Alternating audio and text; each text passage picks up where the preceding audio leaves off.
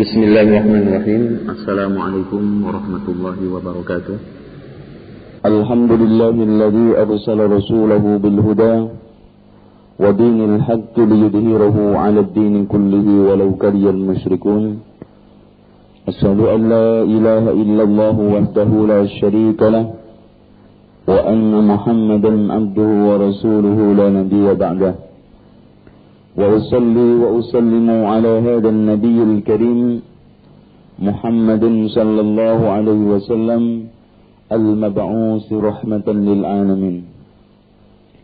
فإن خير الحديث كتاب الله وخير الهدي هدي محمد صلى الله عليه وسلم وشر الأمور محدثاتها وكل محدثة بدعة وكل بدعة ضلالة وكل ضلالة في النار وإلى النار Hadirin sekalian, kita akan membahas hadis yang kelima dari Arba'in An-Nawawiyah.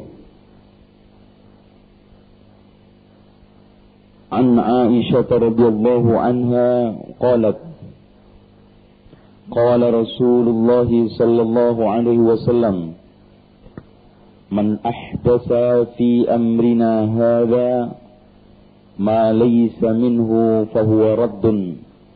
رواه البخاري ومسلم. وفي رواية لمسلم من عمل عملا ليس عليه أمرنا فهو رد. حديث yang mulia ini termasuk hadis sebagai pondasi dan dasar agama. Termasuk hadis yang menjelaskan tentang masalah usuluddin Perawinya hadis ini tidak lain lagi dan tidak asing yaitu Ummahatul Mukminin istri Rasulullah sallallahu alaihi wasallam Aisyah.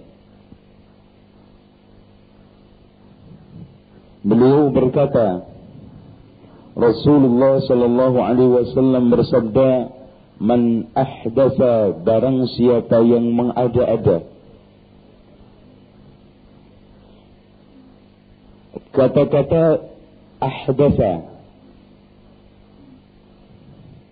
dari syai'un hadisun sesuatu yang baru. Fi amrina hada di dalam masalah urusanku ini yang dimaksud al-amru di sini adalah ad-dinu wasyari'ah. Ya? Ad-dinu wasyari'ah.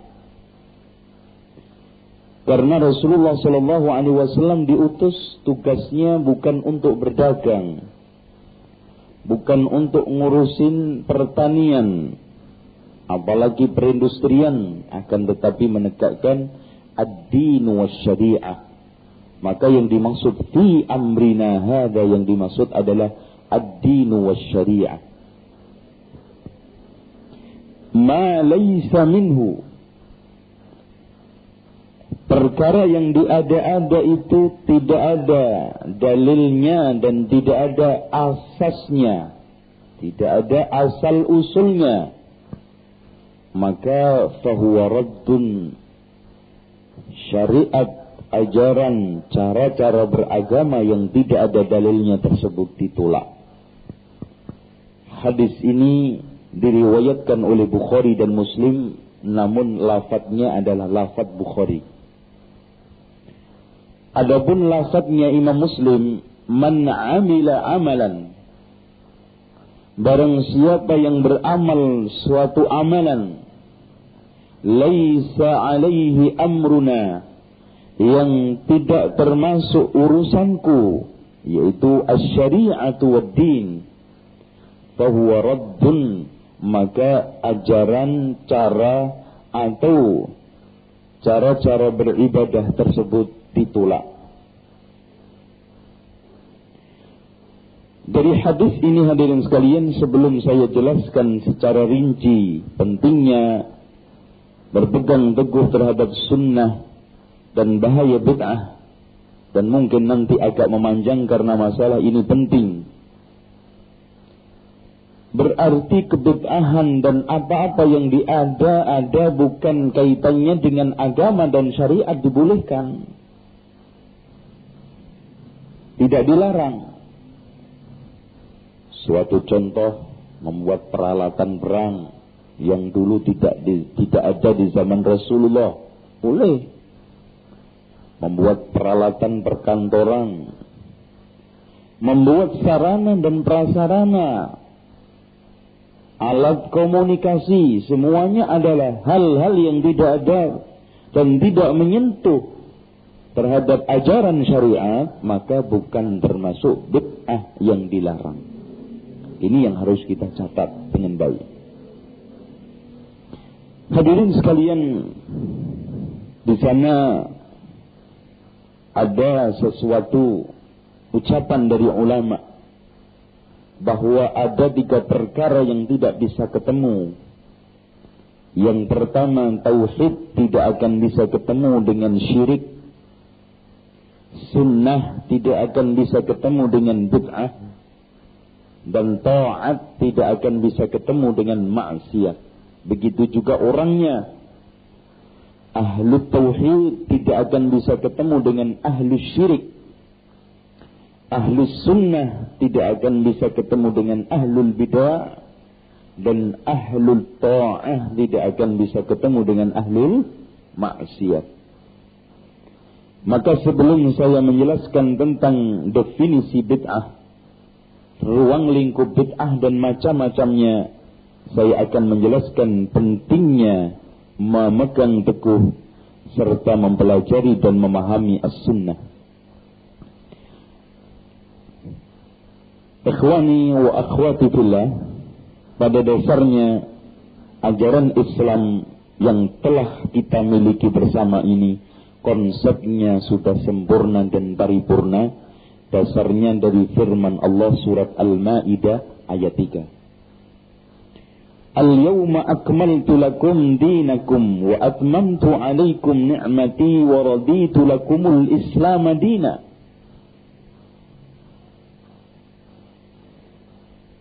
Ketika ayat ini turun, maka ada seorang Yahudi yang datang kepada Umar bin Khattab. Wahai Umar, ada suatu ayat yang kalau seandainya turun kepada kami, maka harinya akan saya jadikan perayaan.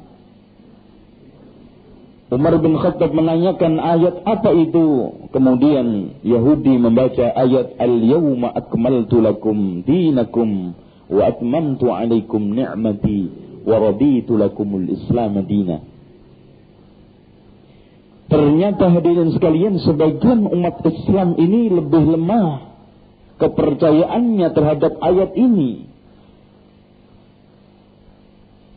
Orang Yahudi yang sekarang ini tidak percaya sama Islam, meyakini bahwa ini adalah ayat yang sempurna, ayat yang hebat dan ayat yang memiliki kandungan-kandungan yang mendasar untuk dasar agama. Sehingga Abdullah ibnu Abbas mengatakan, Allah menghabarkan kepada orang-orang mukmin dengan ayat itu Al-yawma akmaltu lakum dinakum dan terus seterusnya menghabarkan apa? Menghabarkan bahwa konsep iman, konsep Islam itu sudah sempurna, tidak usah ditambahi. Dan sudah cukup, tidak usah dikurangi. Barang siapa yang ingin diridhai Allah dan selamanya tidak dimurka, cukup mengamalkan ajaran itu. Nggak usah nambahin, nggak usah ngurangin.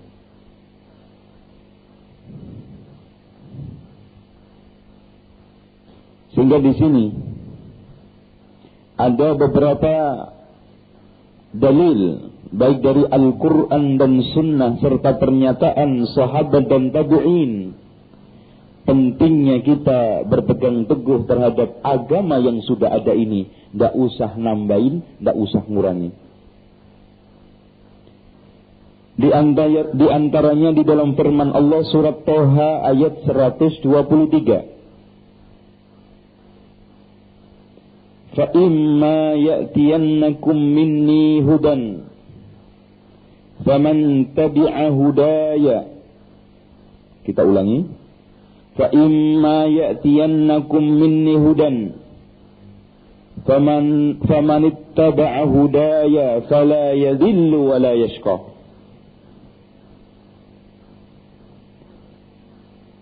Jika datang kepada kalian dariku hudan petunjuk.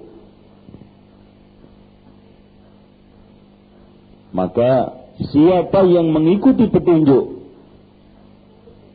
artinya al-Islam, al-iman yang telah dibawa oleh Rasulullah. Maka dia tidak akan tersesat dan tidak akan celaka. Berarti di sini, Bu, siapa yang sekarang ini mencoba untuk mencari hidayah, dari selain yang datang dari Allah dan Rasulnya maka dia akan tersesat dan celaka. Dalam surat Al-An'am juga ditegaskan ayat 153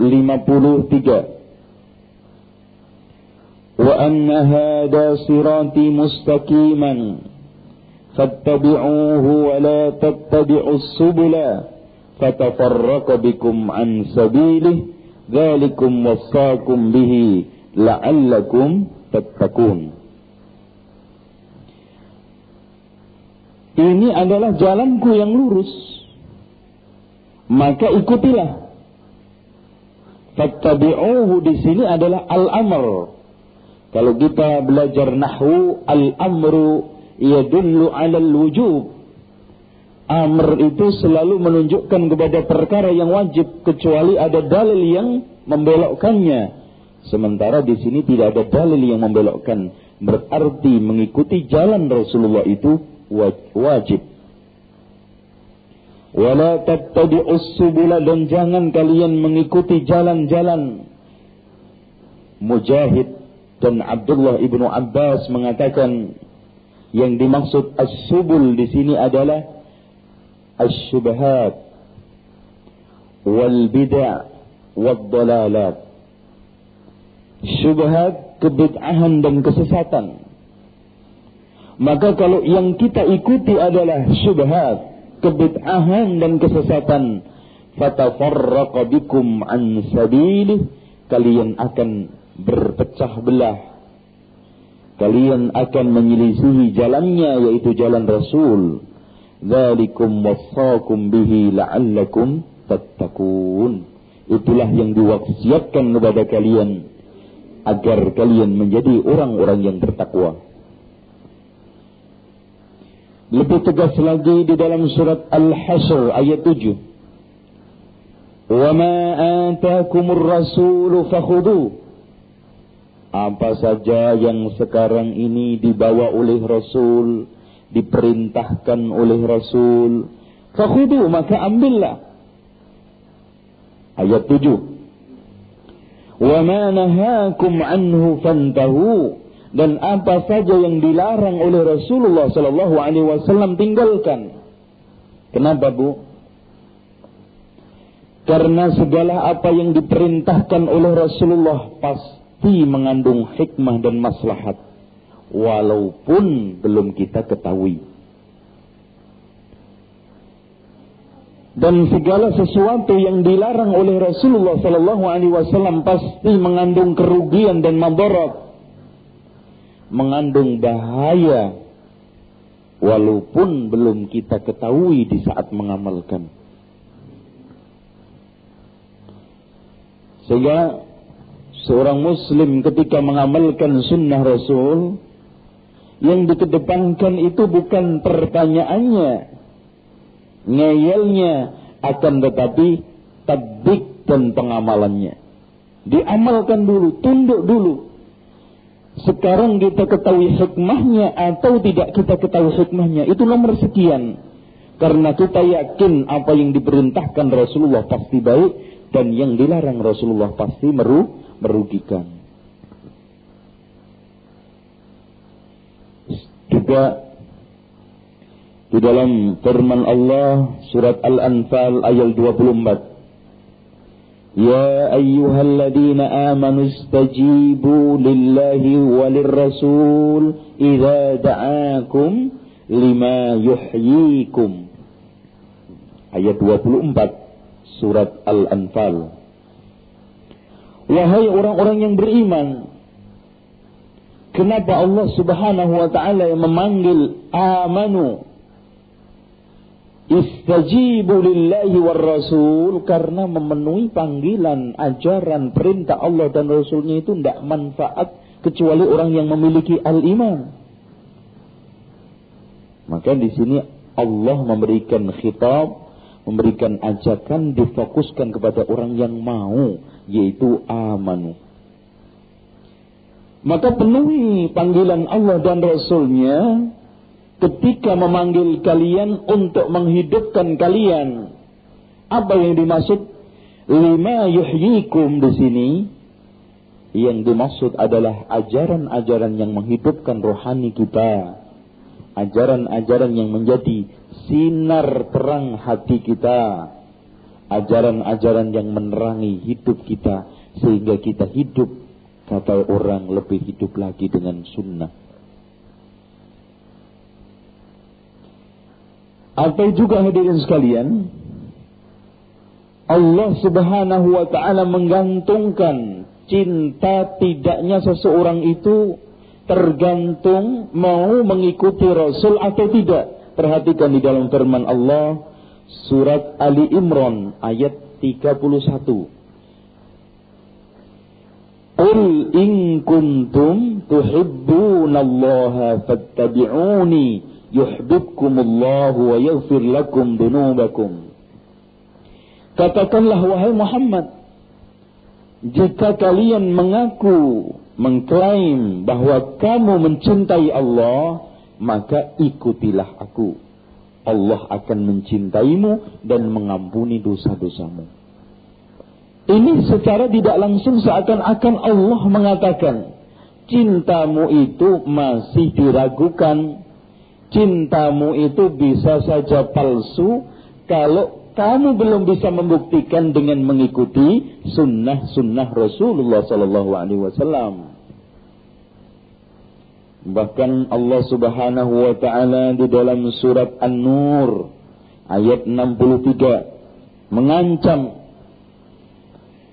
kalau ayat-ayat tadi mengajak dan memuji atau mendorong memotivasi kalau ayat ini tidak hanya itu, mengancam dan menjatuhkan sanksi bagi orang yang menyelisih sunnah. فليحذر الذين يخالفون عن أمره أن تصيبهم فتنة أو يصيبهم عذاب أليم Hendaklah mereka-mereka takut ketika menyelisihi perkaranya, yaitu perkara Rasulullah, sunnah Rasul. Takut terhadap apa ibu-ibu sekalian? Hadirin sekalian. Takut terhadap bencana fitnah yang menimpa mereka. Fitnah ini macam-macam. Fitnah perpecahan. Fitnah perselisihan. Fitnah syirik, fitnah kufur, fitnah bid'ah, fitnah kemaksiatan. Itu semua hadirin sekalian akibat dari menyelisih sunnah. Coba kalau orang itu tunduk terhadap perintah Rasul, tidak akan ada syirik kan? Kalau mentaati Rasulullah tidak akan ada perpecahan. Kalau mengikuti sunnah-sunnah Rasulullah, tidak ada maksiat, tidak ada syirik, tidak ada kufur, tidak ada bid'ah, tidak ada khurafat. Ini. Au yusibahum adabun alim atau tertimpa satu azab yang pedih nanti di hari kiamat. Dari ayat ini hadirin sekalian musibah akibat menyelisih sunnah dunia ketimpa fitnah akhirat kena azab yang pedih. Nas'alullah al-afiyah semoga Allah menjaga kita dari itu ancaman satu lagi dari surat An-Nisa ayat 115 ومن يشاكك الرسول من بعد ما تبين له الهدى Barang siapa yang menyelisihi Rasul setelah datang penjelasan-penjelasan petunjuk wa yattabi' ghaira sabilil mu'minin dan mengikuti jalan-jalan selain jalan orang mukmin artinya ijma'ul ummah. Menyelisihi ijma'ul ummah. Menyelisihi akidah ummah, menyelisihi kesepakatan umat mukmin, nuwallihi ma tawalla, maka dia akan kami biarkan leluasa di dalam kesesatannya, wa nuslihi jahannam, nanti di akhirat kami akan memanggangnya di atas jahannam, wa sa'at masiro, itu seburuk-buruk tempat akhir nanti. Subhanallah. Berat sekali. Sehingga kalau kita meneliti dan mempelajari dengan seksama, bahaya menyelisih sunnah itu tidak ada satu bahaya yang paling bahaya.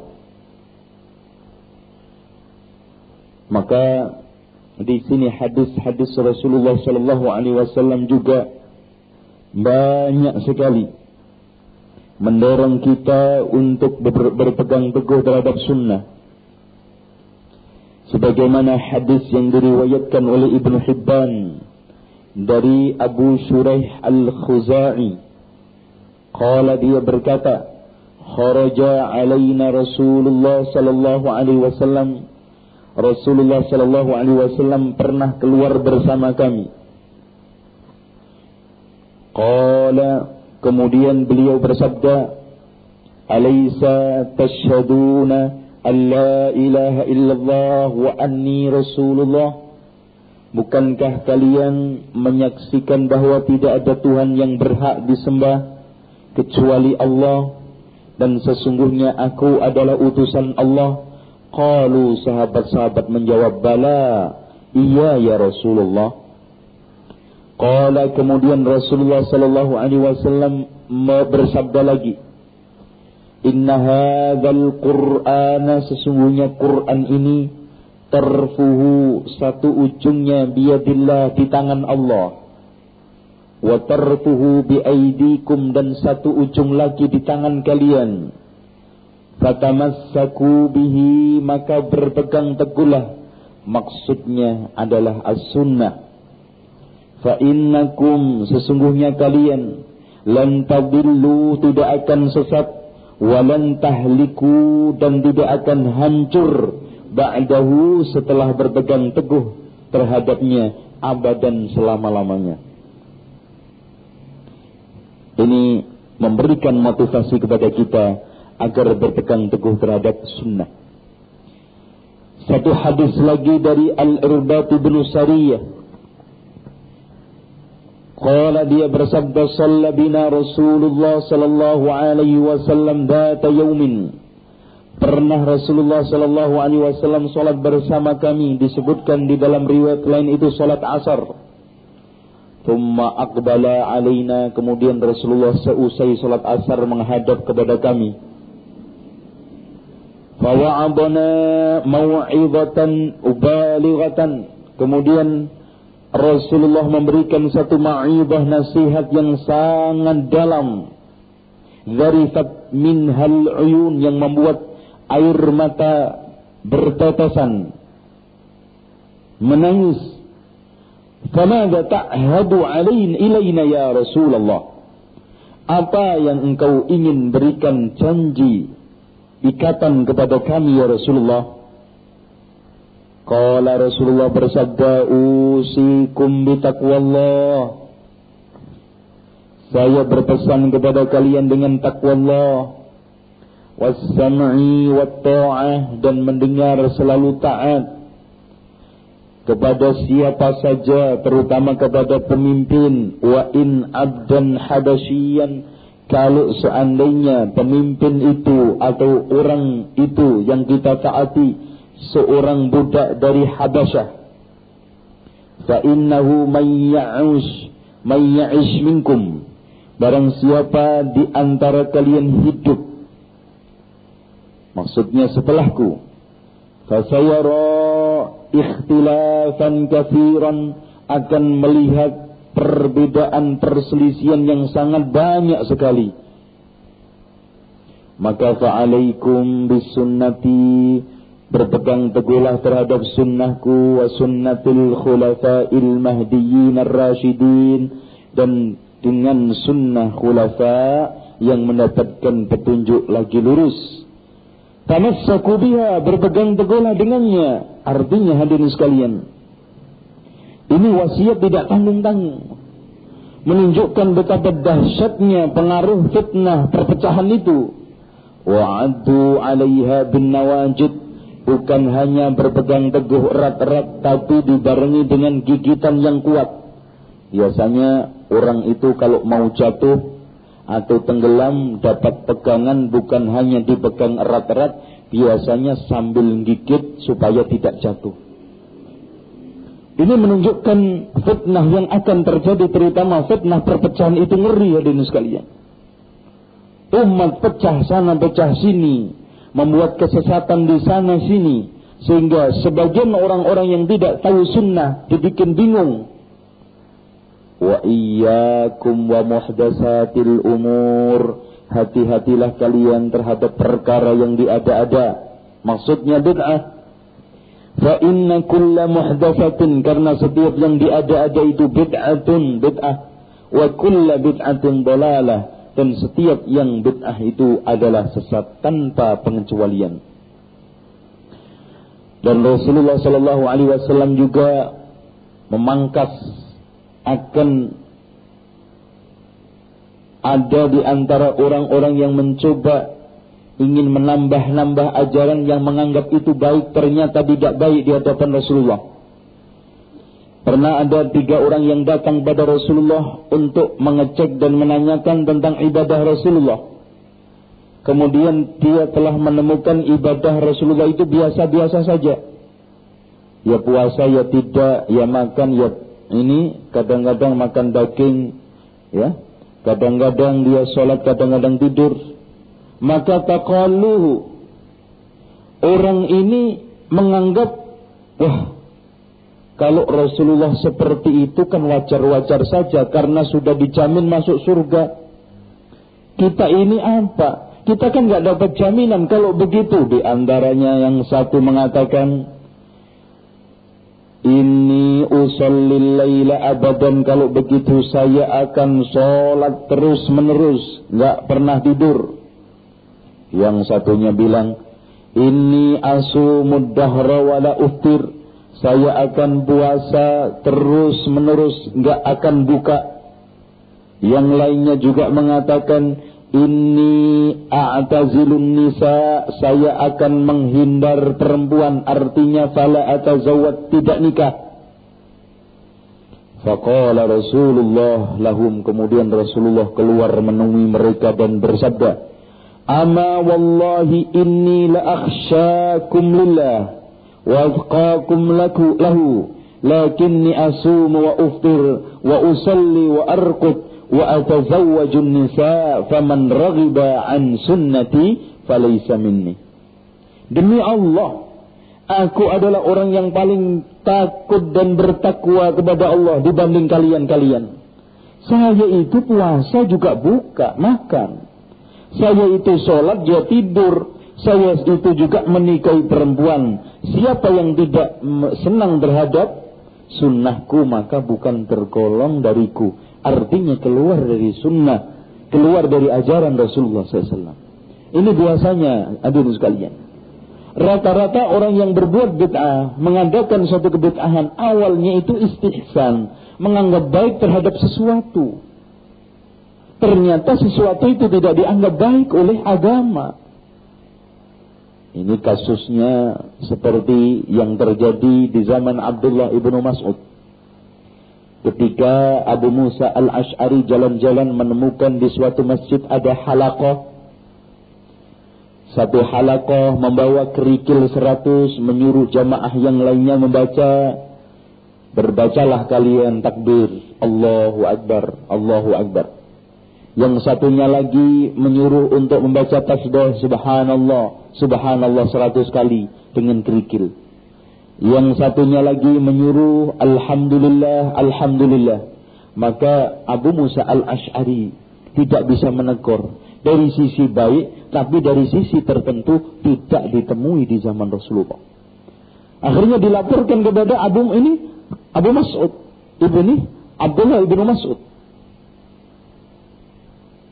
Lalu Abdullah ibnu Mas'ud menyuruh dan meminta untuk supaya ditunjukkan di mana masjidnya itu. Ditunjukkan di sana. Maka dia dengan penutup mukanya. Kenapa dia mengenakan penutup muka? Karena nanti kalau ketahuan dari jauh itu Abdullah ibnu Mas'ud belum tahu duluan sudah bubar. Takut. Ya, takut. Siapa? Abdullah ibnu Mas'ud itu sudah tahu semua. Setelah dia masuk ke masjid baru membuka mukanya. Lalu pada terperangah kemudian mengatakan betapa cepatnya kalian sekarang berubah membuat ajaran pakaiannya Rasulullah belum rusak. Baru saja kemarin meninggal dunia. Kalian sudah membuat seperti ini. Katanya mereka mengatakan wahai Abu Abdurrahman karena anaknya namanya Abdur Rahman. Kami ini tidak menginginkan kecuali kebaikan dibalas dengan tegas oleh Abdullah ibnu Mas'ud. Berapa banyak orang yang ingin baik tapi tidak nyampe seperti inti-inti ini. Artinya memang begitu hadirin sekalian. Orang yang berbuat bid'ah rata-rata awalnya itu menganggap baik terhadap kebid'ahan itu. Dianggap nanti akan mendapatkan pahala. Tetapi tidak ada dalil akhirnya ditolak. Adapun pendapat-pendapat para sahabat tentang pentingnya kita itu berpegang teguh terhadap sunnah. Dan juga kita harus menjauhi bid'ah. Di antaranya ucapan Abdullah ibnu Mas'ud Alaikum bitaqwallah. Tetaplah kalian berpegang teguh dengan taqwallah. Wahadihil jamaah dan terus berada di atas jamaah yang dimaksud adalah jalan hidup Rasul, sahabat dan tabi'in itu jamaah, jamaah. Fa inna Allah sesungguhnya Allah lan yajma'a ummat Muhammadin ala dalalatin mengumpulkan umat Muhammad ini sepakat di atas kesesatan itu tidak mungkin. Wa alaikum bisabri bersabarlah kalian hatta yastariha barrun au yustaraha min fajir. Bersabar sampai orang baik-baik ini bisa beristirahat enak mengamalkan sunnah. Artinya ahli bid'ah itu hilang karena kesabaran kita atau memang yustarahu min fajirin kita sampai diambil oleh Allah meninggal dunia diistirahatkan dari orang yang jahat. Mati itu kan kalau sudah lingkungan jahat tidak koro-koron kan sama aja istirahat itu. Pekil tiap hari mikiri ahlul bidah. Itu. Dalam suatu makalah yang lainnya dari Abdullah ibnu Mas'ud alaikum bil ilmi qabla ayyuqbat Teruslah kamu belajar, belajar terus. Mempelajari ilmu sebelum ditarik. Masya Allah. Disebutkan di dalam suatu hadis ibu-ibu sekalian. Min inna min asyratis sa'ah. Sesungguhnya pertanda dari hari kiamat. Ayyakillal ilmu. Menyedikitnya ilmu. Wa yakthurul jahlu dan merajalela kebodohan. Wa yaksu zina dan merajalela perzinaan wa yushrabul khamru dan diminum khamr. Itu. Mumpung belum diangkat ilmu ini kita pelajari. Wa iyyakum dan hindarilah wattanattu'a berlebihan. Segala sesuatu yang berlebihan itu akan menghancurkan. Orang berlebihan zikir pasti membuat bid'ah. Orang berlebihan puasa nanti akan juga membuat suatu bid'ah. Puasa Senin Kemis kurang, akhirnya apa? Puasa setahun muput. Ya Semua berlebihan. Niat juga berlebihan akhirnya apa? Sholat maghrib takbirnya tujuh kali. Karena kurang mantep ya itu. Jadi was-was. Wattabad doa dan berbuat bid'ah.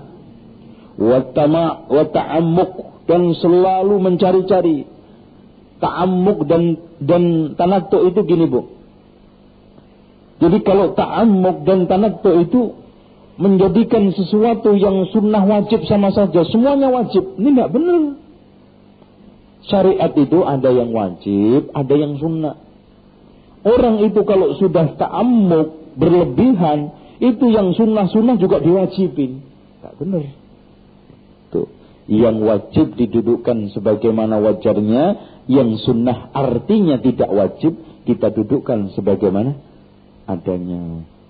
Dari Abu Darda, ini sahabat besar Rasulullah juga mengatakan, "Lan tadilla ma akhadtum bil athar." Kalian tidak akan tersesat selagi kalian berpegang teguh dengan al-asar. Al-asar itu dalil-dalil yang diambil dari sahah ini dari Rasul dan sahabat Rasulullah sallallahu alaihi wasallam ulama salaf. Kemudian dikatakan juga di dalam suatu makalah Ya ma'syaral qurra ini dari Hudzaifah Wahai orang-orang yang hanya tukang ahli baca Al-Quran Istaqimu istiqomalah kamu. Qad subiktum kamu ini sudah didahului sabqan ba'ida. Didahului jaraknya sangat jauh. Artinya banyak orang yang hanya hafal satu dua surat itu. Nilainya di hadapannya Allah lebih tinggi dari kamu sekarang hanya eh, dari kamu hafal Al-Quran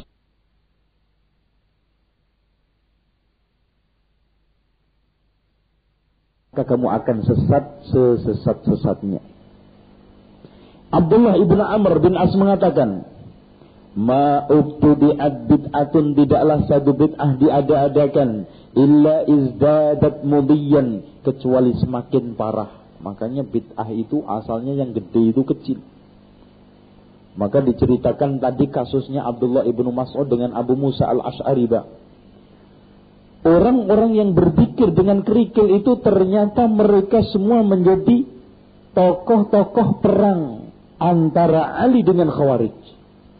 Semua orang yang zikir di masjid tadi itu menjadi tokoh-tokoh Khawarij memerangi Ali. Coba bayangkan. Awalnya zikir. Sehingga di sini tidak boleh kita itu meremehkan bid'ah karena bibit bid'ah yang besar itu dari yang kecil. Sebagaimana yang dikatakan oleh Imam Al-Barbahari di dalam kitab Syarh Sunnahnya itu ulama salaf itu sangat takut terhadap bid'ah sekecil apa pun karena bibit bid'ah yang besar itu dari yang kecil. Abdullah ibnu Umar mengatakan, "Kullu bid'atin dalalah wa in ra'ahan nasu hasanatan." Setiap bid'ah itu sesat walaupun dipandang sebagian orang itu baik. Dari sini hadirin sekalian tidak ada bid'ah yang hasanah. Semua telah dimutlakkan oleh Rasulullah umum. Rasulullah mengatakan kullu bid'atin dalalah. Abdullah ibnu Umar juga mengatakan setiap bid'ah itu sesat walaupun dipandang sebagian manusia itu baik. Ini pernyataan-pernyataan sebagian sahabat. Adapun ulama-ulama sunnah dan tabi'in lebih tegas lagi hadirin sekalian. Abul Jauza mengatakan, Aku bertetangga dengan monyet sama babi lebih mendingan daripada bertetangga dengan ahlul bidah. Ini jangan disampaikan sembarangan ya. Nanti bisa-bisa dikebukin orang. Ya. Dikatakan oleh Abu As-Sakhtiyani, ini Ayyub As-Sakhtiyani. Mazdada sahibu bid'atin izdihadan illa zdada minallahi bu'dan tidaklah sahibu bid'ah ahlul bid'ah itu semakin istihad semakin bersungguh-sungguh ngamalin bid'ah maka semakin menjauh dari Allah Subhanahu wa taala. Bukan semakin dekat bukan semakin dapat pahala akan tetapi semakin jauh. Makanya orang itu kalau semakin menekuni bid'ah itu bukan semakin baik ya bukan semakin baik. Coba aja sekarang bid'ah di masjid ditekuni. Di antaranya kur setiap menjelang sholat ditekuni. Semakin tambah. Ada masuk lagu ini lagu itu. Nasyid juga masuk gandangan Jawa juga masuk semuanya. Dibaca setelah ini sebelum sholat alasannya zikir di mana zikirnya? Ya Maka di sini ada hak kasus lagi yang lebih jelas sikap terhadap bid'ah dan ahlul bid'ah. Yusuf ibnu Ubaid, Yunus ibnu Ubaid pernah menemui anaknya belajar ikut-ikutan taklim kepada Amr bin Ubaid. Amr bin Ubaid ini ahlul bid'ah. Tokoh pencetus orang yang mengatakan Quran itu makhluk. Ini Amr bin Ubaid. Langsung hadirin sekalian Yunus bin Am ini bin Ubaid menarik anaknya. Kemudian didudukkan dinasihati wahai anakku. Kamu saya larang berzina. Saya larang mencuri. Saya larang minum khomer. Tapi kalau seandainya kamu nanti ketemu Allah membawa dosa mencuri, zina, minum khomer itu masih mendingan, masih saya anggap itu apa namanya ringan ketimbang kamu nanti ketemu Allah pernah ketemu dengan Amr bin Ubaid ini. Kenapa hadirin sekalian? Karena zina, mencuri, minum khamr merusak moral. Tetapi Amr bin Ubaid ini merusak akidah. Maka di sini mendidik anak hati-hati bu. Jangan-jangan kita ingin yang baik ternyata belajar bid'ah. Nah ini kan. Imam Al-Auza'i mengatakan isbir ala sunnah. Sabarlah kamu di atas sunnah. Dan juga Abu Qilabah mengatakan, Mabtada'a rajulun bid'atan illa istahalla sayf. Tidaklah seseorang mengadakan suatu kebid'ahan kecuali telah menghalalkan pedang artinya membuka front peperangan. Maka antum lihat semua penyebab peperangan antar saudara muslim itu awalnya bid'ah, sumbernya bid'ah.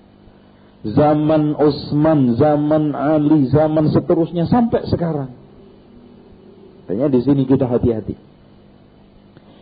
Lalu hadirin sekalian di sini kita akan membantah bantahan orang ini pernyataan orang atau subhat orang yang mengatakan bid'ah itu ada dua macam, ada yang bid'ah dolalah, ada yang bid'ah hasanah. Apa benar? Disebutkan di dalam kitab Al-I'tisam karangan Imam Asy-Syatibi. Nanti bisa dibuka di sana kalau memang bisa. Dia mengatakan dengan tegas bahwa tidak ada dan tidak mungkin bid'ah itu dikatakan hasanah. Alasannya pertama, bahwa dalil-dalil yang menjelaskan tentang masalah bid'ah yang sangat banyak sekali itu tidak ada satupun dalil yang dikecualikan. Saya ulangi lagi. Dalil-dalil yang menjelaskan tentang bid'ah yang sangat banyak itu tidak ada satupun yang menyatakan bid'ah itu semuanya sesat kecuali nggak ada. Semuanya umum, semuanya mutlak. Ini menunjukkan mengecualikan sesuatu yang tidak ada dalilnya dito, ditolak. Yang kedua, setiap dalil-dalil syar'i atau kaedah-kaedah fikih yang sifatnya umum. Tidak ada pengecualian, tidak ada pengkhususan, tidak ada pembatasan, maka kaedah itu, dalil itu harus kita biarkan umum mutlak. Saya ulangi lagi. Setiap dalil syar'i yang umum, setiap kaedah fikih yang umum, tidak ada pengecualian, tidak ada pengkhususan, tidak ada pembatasan, maka harus kita biarkan umum mutlak apa adanya, tidak boleh dikhususkan, dikecualikan. Tuh. Sehingga kita tidak boleh mengatakan kullu bid'atin dolalah kecuali karena tidak ada dalil yang mengecualikan. Semua bid'ah itu sesat kecuali tahlilan umpamanya. Tidak boleh. Yang ketiga, seluruh sahabat dan tabi'in serta a'immatus sunnah. Siapa a'immatus sunnah itu hadirin sekalian? Imam Malik, Imam Abu Hanifah, Imam Syafi'i, Imam Ahmad, Imam Al-Thawri, Sufyan Al-Thawri, Al-Auza'i. Ini imam sunnah. Jadi semua sahabat, tabi'in dan imam-imam sunnah telah sepakat membenci bid'ah dan menganggap buruk ahlul bid'ah. Itu nggak ada pengecualian. Kali berani dan sok jago mengecualikan ulama aja nggak berani. Yang nomor empat, ini dalil yang paling kuat. Menurut bahasa bid'ah itu, menurut istilah syar'i, nanti juga kita akan definisikan. Yang namanya bid'ah itu sesuatu ajaran atau cara yang dibuat untuk nandingi ngelawan syariat. Pasti nggak ada dalilnya kan? Maka otomatis semuanya baik. Ini semua azan semuanya buruk. Tidak ada yang baik. Udahlah, kalau kita terpaksa mengatakan baik, hasanah, Berarti di sini kalau sesuatu dianggap baik pasti ada dalilnya. Sudah bukan bid'ah lagi. Wong sudah baik kan, ber, kan berarti dianjurkan sesuatu yang dianjurkan pasti ada dalilnya, sesuatu yang ada dalilnya nggak mungkin bid'ah lagi. Makanya untuk dikatakan bid'ah hasanah itu nggak ketemu. Karena bid'ah itu sesuatu ajaran yang diada-ada tidak ada dalilnya untuk melawan syariah. Hasanah itu pasti dianjurkan, dianjurkan pasti ada dalilnya. Kalau ada dalilnya bukan bid'ah lagi. Wong dianjurkan kok berarti masyru, berarti termasuk syari syariat. Tuh. Insya Allah dengan dalil empat ini ahlul bidah pasti kelenger mendengarnya. Tuh. Maka dengan demikian kita tidak ada dan tidak mungkin serta tidak punya dalil lagi untuk mengatakan bid'atun hasanatun. Iya. Ya kalau bid'ah nggak ada dalilnya, hasanah ada dalilnya. Gimana? Bid'ah hasanah ada dalilnya, nggak ada dalilnya. Kan bingung itu. Orang diajak untuk berpikir bingung itu kan bukan Islam namanya. Sekarang kita akan bahas definisi daripada al-bid'ah. Bid'ah menurut bahasa itu asyai'ul mukhtara la la ala mithalin sabikin. Sesuatu yang tidak ada-ada, tidak ada contoh sebelumnya. Jadi setiap segala sesuatu yang tidak ada contoh sebelumnya menurut bahasa itu bid'ah gitu ya Bu ya. Umpamanya dulu nggak ada pesawat, sekarang ada pesawat, secara bahasa itu bid bid'ah itu. Namun segala macam ajaran syariat Bu yang dipandang itu definisi syariatnya. Maka dengarkan dengan baik Inilah yang penting definisi bid'ah menurut syariat. Di sana ada beberapa definisi, namun saya pilih definisi yang paling pas, yaitu definisinya Imam Ash-Shatibi dan Ibnu Rajab Al-Hambali. Imam Shatibi mengatakan, Al bid'atu bid'ah itu ialah tariqatun fiddin, ajaran cara ibadah di dalam agama. Mukhtaroatun yang diada-ada tudahis syar'iyyah untuk nandingi syariat.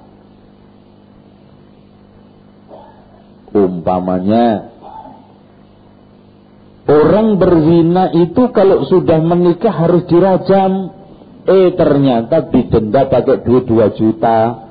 Ini namanya membuat cara, membuat hukum, ajaran yang nandingi syariat ngelawan syariat. Itu. Umpamanya sekarang yang namanya mendirikan menegakkan negara itu dasarnya majelis syuro. Eh sekarang buat demokrasi. Ini namanya nandingi syariat. Nandingi sistem. Karena masalah negara itu termasuk bagian agama, mengada-ada sistem di dalam negara juga termasuk agama, maka kita menggunakan sistem bukan sistem negara, bukan sistem Islam juga termasuk nandingi syariat. Ini yaksudu bisuluki alaiha cara ajaran ini tadi itu dibikin untuk dibuat ajaran dia. Tujuannya apa? Al-mubalaghah fit ta'abbudi lillahi subhanahu wa ta'ala biasanya untuk menambah nilai lebih ibadah kepada Allah. Rata-rata gitu. Maka orang yang menambah zikir itu rata-rata diada-ada, tidak ada dalilnya, tidak ada petunjuknya, tetapi untuk al-mubalaghah berlebihan di dalam ibadah kepada Allah. Mengira kalau nambah la ilaha illallah itu semakin mantap, gitu kan gitu. Mantap aja lah ini dalilnya, cuma satu itu mantap. Gitu. Nah, Selanjutnya menurut definisi Ibn Rajab Al-Hambali, ma uhdisa mimma la asla lahu fi syari'ah yadullu alaihi. Segala sesuatu yang diada-ada tidak ada asal usulnya, tidak ada dasarnya di dalam syariat yang menunjukkan hal itu. Saya ulangi, apa-apa yang diada-ada yang tidak ada asal usulnya atau dasarnya di dalam syariat yang menunjukkan hal itu. Menunjukkan hal itu. Umpamanya begini. Peringatan Maulud Nabi. Asal usulnya dari mana? Tidak ada. Tuh kan? Dasarnya apa? Juga nggak ada. Sehingga ibu-ibu sekalian ini juga mungkin termasuk barang yang didengar baru. Peringatan maulid Nabi itu tidak ada ajaran. Alasannya pertama. Tanyakan kepada orang yang melakukan peringatan maulid Nabi. Anda melakukan peringatan maulid Nabi ini niatnya ibadah atau tidak ibadah? Itu dok pertanyaannya, nggak lebih. Pasti dia menjawab pertama kali, ya ibadah Ustaz. Masa saya melakukan kayak ini niatnya enggak ibadah? Pertanyaan yang kita harus kirim setelahnya, mana dalilnya? Mungkin enggak orang melakukan ibadah tanpa dalil? Enggak mungkin. Bagaimana orang yang ibadah itu ingin mencari pahala enggak ada dalilnya? Siapa yang jamin surganya? Mau naik bank? Maka di sini ibadah harus dasarnya dalil karena ibadah itu cari pahala, pahala itu konsekuensinya surga. Tidak mungkin sama sekali orang beribadah tanpa dalil karena nggak ada yang jamin surganya. Plak. Pasti jawabnya yang kedua, bukan ibadah Ustaz. Cuman ya daripada bengong, nganggur, tradisi kan begitu. Sudah, tradisi macam-macam lah alasan kamu. Pertanyaan yang kedua, tahapan kedua yang harus kita ini ajukan. Kamu melaksanakan peringatan maulud Nabi apa pun bentuknya alasannya, niatnya cari pahala atau tidak? Maka pasti jawaban pertamanya cari pahala dong Ustaz. Kan kita sudah ngorbanin makanan, ngundang Ustaz macam-macam. Mungkin nggak Anda mencari pahala dari sesuatu yang bukan ibadah Anda sendiri mengatakan tadi bukan ibadah. Jawabannya jelas tidak mungkin, maka dia akan menjawab, ini bukan cari pahala Ustaz. Ngapain mendingan setak daripada ente nggak dapat pahala. Iya, mendingan sekat kan? Iya.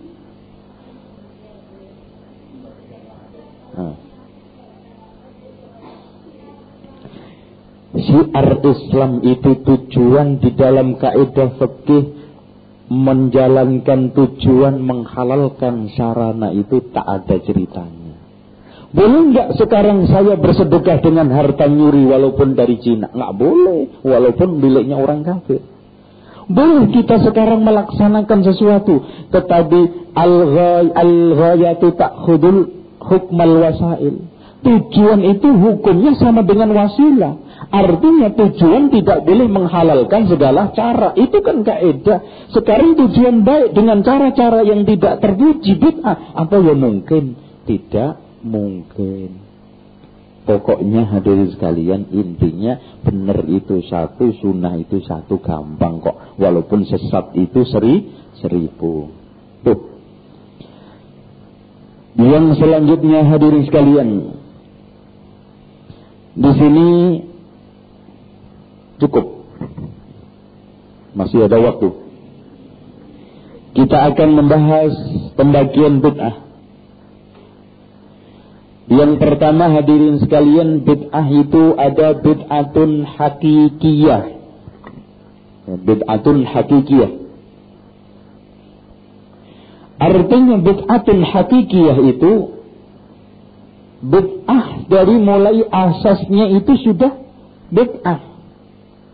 Umpamanya tadi saya katakan sholat kalau memang yang sunnah itu yang wajib kan jelas, yang sunnah juga jelas. Ada orang yang mengadakan sunnah ini sholat, sholat kafaratun lima fatani umpamanya. Sholat kafaratun lima fatani ini sholat untuk nebus sholat lima waktu yang jebol-jebol. Maka selama setahun ini karena mungkin saja ada yang lowong, maka sholat kafaratun lima fatani biar tertebus. Ini namanya sejak asas sudah bid'ah. Ini namanya bid'ah hakiki.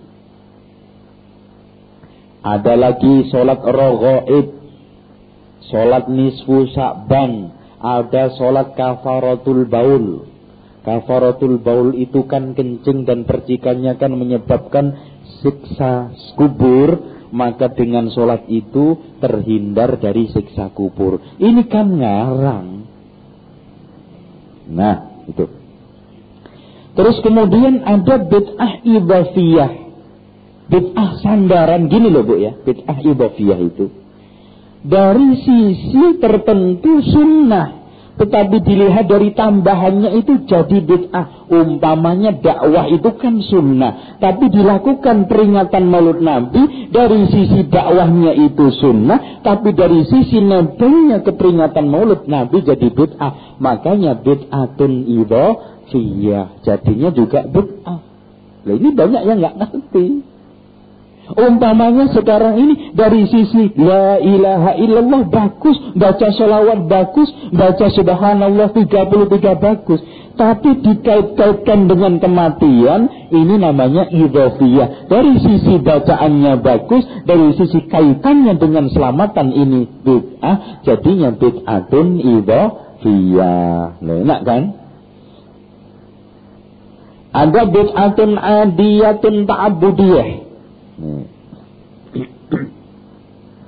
Ada bid'atun adiyatun ta'budiyah. Artinya bid'atun adiyah. Aslinya itu ada kebiasaan, Bu ya. Umpamanya ada orang yang menjadikan adat kebiasaan menjemur diri di matahari. Kemudian kok dikait-kaitkan dengan ibadah umpamanya. Saya bernazar jemur badan di pagi matahari selama satu hari. Ini jadinya bid'ah. Karena dari sisi jemur, apa? Jemur di, di sinar matahari itu bukan ibadah. Dikaitkan dengan ibadah jadinya bid'ah. Ini namanya adiyatun ta'abudiyah. Itu. Masih banyak contohnya ya. Satu hal-hal yang tidak dianggap baik oleh syariat, kemudian dianggap dilazimkan, ini namanya bid'atun ta'adiyatun ta'abudiyah. Kemudian ada bid'atun fi'liyatun tarkiyah. Bid'atun fi'liyatun tarkiyah. Suatu contoh gini Bu ya. Mengerjakan barang-barang yang mubah atau makruh atau haram. Itu kan maksiat ya Pak ya. Kalau mubah enggak ya. Kalau makruh bisa berdosa. Kalau haram itu kan eh, dosa ya, jelas dosa. Tapi gini, saya berzina meyakini bahwa zina itu halal, dapat pahala, ini jadinya bid'ah. Itu namanya bid'atun fi'liyatun. Apalagi orang gaduh lucu sama Darmo Gandul itu meyakini kalau zina itu naiknya dari arah kanan itu halal. Ini jadinya bid'atun fi'liyatun. Ada tarkiyah. Meninggalkan wajib itu kan dosa ya Bu ya. Meninggalkan yang sunnah tidak apa-apa. Meninggalkan yang mubah apalagi tidak ada apa-apa. Tapi ibu meninggalkan satu makanan nasi kan mubah. Yakin dan meyakini bahwa saya nanti kalau nggak makan nasi dapat ilmu ini. Kalau nggak makan daging nanti dapat ini. Ini jadinya bid'ah. Makanya kita katakan orang posong roh nggak makan daging yang tidak ada nyawanya ini, nggak makan barang-barang daging yang ada nyawanya itu, kalau niatnya hanya sekedar menjaga kesehatan boleh mudah, tapi kalau niatnya itu ada nilai ritualnya, jadinya bid'ah dan rata-rata orang niatnya ritual. Iya kan? Nanti kalau tidak makan barang barang ini, daging-daging ya, dapat kelebihan karomah, bisa ini, bisa itu. Ini sudah nilai ritual, jadi bid'ah. Tapi kalau sekarang bapak ibu sekalian nggak makan daging karena kolesterolnya banyak, ya nggak apa-apa. Itu. Makanya di sini ada bid'atun fi'liyatun tarkiyatun. Mengerjakan sesuatu yang dilarang karena ada unsur meyakini baik. Atau meninggalkan sesuatu yang sunnah, yang wajib meyakini itu baik, itu terjebak kepada kebid'ahan. Ini lembut, halus mohon dipahami Bu ya. Ninggalin sholat dosa. Tapi kalau sekarang yakin ninggalin sholat itu boleh, bagus. Ini yang bid'ah. Atau dia meyakini bahwa saya itu boleh nggak sholat. Kamu itu belum nyampe makomnya. Kamu masih, ini harus sholat. Kamu ini Islamnya masih kulit saya ini sudah hakikat, sudah boleh meninggalkan sholat. Ini yang bid'ah. Juga begitu. Sekarang makan nasi boleh, makan daging boleh, nggak makan nasi, nggak makan daging juga boleh. Tapi nggak makan nasi, nggak makan daging niatnya, nilainya ritual, jadinya bid bid'ah. Ini ya. Ada lagi bid'atun i'tiqadiyatun amaliyah. Bid'ah yang berkaitan dengan i'tiqad. Ya. banyak sekali ya. Terus kemudian ada bid'atun amaliyah. Bid'ah bid'ah yang kali berkaitan dengan amaliyah kerjaan kita. Bid'ah yang i'tiqad itu contohnya bid'ahnya orang Jahmiyah dan Mu'tazilah mengatakan bahwa Al-Quran itu makhluk. Ini ya, termasuk. Ya. Siapa yang mengatakan Al-Quran itu makhluk, maka dia telah mengerjakan suatu kebid'ahan. Kemudian hadirin sekalian, barang siapa yang sekarang ini e, mengingkari asma, mengingkari sifat juga termasuk mengadakan bid'atun e, ini i'tiqadiyatun.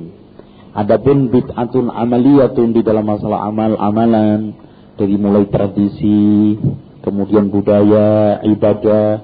Ibadah itu ada yang kaitannya dengan aslul ibadah. Ya, ada yang kaitannya dengan asal usul ibadah, bid'ah seluruhnya. Ada kaitannya dengan caranya, Bu. Sholatnya benar, caranya nggak benar. Lah ini kan jadinya bid'ah juga. Doa itu sunnah. Tapi cara berdoa itu tidak nyunnah, ya jadi salah. Akhirnya dikatakan bid'ah, kurang habis doa, terus mengusap ke, mu, ke muka. Ini kan? Itu. Terus kemudian ada yang kaitannya dengan ee, menambahi sholat ditambahi lima lima rakaat ya sholat duhur jadi lima rakaat ini tambahan dari sisi waktu atau dikurangi duhur tiga rakaat sengaja. Itu. Makanya bisa ngurangi bisa nambahi bisa caranya. Demikianlah hadirin sekalian hal-hal yang berkaitan dengan masalah kita wajib mengikuti sunnah menjalankan sunnah menghindarkan kebid'ahan mengada-ada di dalam ajaran al-Islam. Ibu-ibu sekalian, bapak-bapak sekalian, akan peringatan. Ada satu pesan dan kesan dari ulama-ulama. Kita disuruh sabar di atas sunnah. Jangan sampai kita tergiur banyaknya orang yang mengamalkan bid'ah. Kita kadang-kadang, Masya Allah hadirin sekalian, membuat hati kecut. Di mana-mana ngadain peringatan di mana-mana ngadain nyekar. Ya, ini kadang-kadang membuat ahli sunnah yang baru saja belajar kecil hatinya. Aduh, saya ini kok nggak ada temannya. Maka As-Sufyan As-Thawri mengatakan Istausu bi ahli sunnati khaira fa innahum huraba berwasiatlah baik-baik terhadap ahli sunnah karena dia nanti dianggap aneh, asing. Dan dikatakan oleh Rasulullah sallallahu alaihi wasallam, "Fatuba lil ghuraba." Akan sukseslah, berbahagialah orang-orang yang dianggap asing. Alladzina yuslihuna ma afsadan nas. Orang-orang yang membenahi, meluruskan apa-apa yang dirusak oleh manusia. Maksudnya syariah. Maka jangan sekarang itu yang penting aneh nyeleneh yang dimaksud huraba itu orang-orang yang berusaha membenahi, meluruskan apa-apa yang dirusak oleh manusia. Sunnah diluruskan. Apa saja yang berkaitan dengan ad-din al-Islam, ajaran Islam diluruskan. Karena telah dirusak oleh penyelewengan, kesesatan, kebid'ahan dan yang lainnya. Terus kemudian hadirin sekalian, di dalam menyampaikan hal-hal seperti ini, harus dengan ud'u ila sabili rabbika bil hikmati wal mau'izatil hasanah wajadilhum billati hiya ahsan. Ajaklah kembali kepada sunnah. Ajaklah kembali kepada al-Islam dan menghindarkan bid'ah dengan al-hikmah. Hikmah itu apa hadirin sekalian? Meletakkan sesuatu pada tempatnya. Artinya, kita jelaskan sejelas-jelasnya dengan bahasa yang baik seperti yang telah dipesan oleh Allah kepada Musa. Faqula lahu qawlan layyina la'allahu yatadhakkaru aw yakhsha.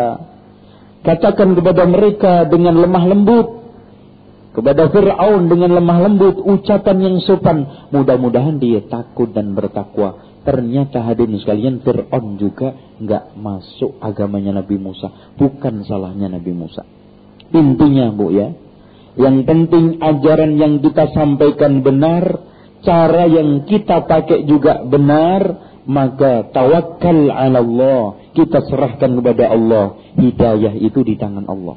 Innaka la tahdi man ahbabta. Sesungguhnya engkau tidak akan bisa memberikan hidayah bagi orang yang kau paling cintai pun ya sekalipun engkau paling cintai paling senangi paling dekat seperti kasusnya Abu Talib sendiri, sendiri pamannya. Itu pertama. Wal mau'idatul hasanah artinya kita jelaskan dengan dalil-dalil yang bagus bu. Jangan mengatakan bid'ah. Sudah titik. Orang nggak ngerti, bingung. Bid'ahnya ini dari sisi mana bu? Dari sisi mana mas? Dari sisi mana pak? Itu dijelaskan. Ini bid'ah karena bertentangan dengan dalil ini, Rasul tidak mengamalkan, sahabat tidak mengamalkan. Kita jelaskan dalil-dalil bahaya bid'ah. Insya Allah orang yang mendengarkan akan bisa menerima. Apalagi orang yang ingin mencari kebenaran. Namun bu ya, orang yang di hadapan kita itu memang ada tiga. Pertama ada orang yang ingin cari kebenaran maka cukup dengan al-hikmah langsung diterima. Ada kadang-kadang mad'u yang kita ajak ini bimbang ragu-ragu maju mundur harus membutuhkan mau'idatul hasanah, sedikit penjelasan agak detail. Ada kadang-kadang yel ngeyel, itu ya. Maka dibutuhkan al wajadilhum billati hiya ahsan, berdebat, adu argumen yang bagus, jangan debat kusir. Kalau sekarang kita debat tidak menggunakan dasar mundur. Karena menangnya adalah kalah dan kalahnya adalah menang. Itu yang dipahami oleh Imam Syafi'i. Maka dia mengatakan, "Idza nataqas safihu falam tujibhu, fa inna khairan min ijabatihi sukutu." Kalau ada orang bodoh mendebat kamu, maka jawaban yang terbaik adalah diam. Karena sebaik-baik jawaban adalah diam. Karena menangnya adalah kalah dan kalahnya itu menang. Artinya diamnya itu menang dan kita ladeni kita berarti kalah. Karena nggak ada standarnya nanti debat, nggak ada jeluntrung akhirnya. Sehingga jangan sampai kita terjebak ke situ. Wajadilhum billati hiya ahsan. Insyaallah kita bertawakal kepada Allah sambil berdoa. Kebenaran yang kita sampaikan akan diterima. Kalau dari hati ikhlas akan juga tumbuh di hati dengan ikhlas tulus diterima. Kalau hanya dari lisan tidak kita barengi dengan argumen yang benar bu nanti akan nyampe ke lisan juga keluar masuk masuk dari telinga kanan keluar dari telinga kiri akhirnya kurang bermanfaat demikian mungkin apa yang bisa saya sampaikan seputar masalah hadis? Man ahdasa fi amrina hadha ma laysa minhu rabbun penjelasan detail ini mudah-mudahan bisa bermanfaat bisa membuat hati kita berubah yang selama ini meyakini kebid'ahan. Dan mungkin menjadi tambahan kita Bu untuk dasar kita menyampaikan kebenaran kepada manusia karena intinya al-haq itu memang pahit. Kulil haqqa walau kana murra. Ucapkan, sampaikan kebenaran itu walaupun dirasa pahit. Kita akhiri aku qauli hadza wastaghfirullah li wa azim innallaha huwal ghafurur rahim. Wassalamualaikum warahmatullahi wabarakatuh.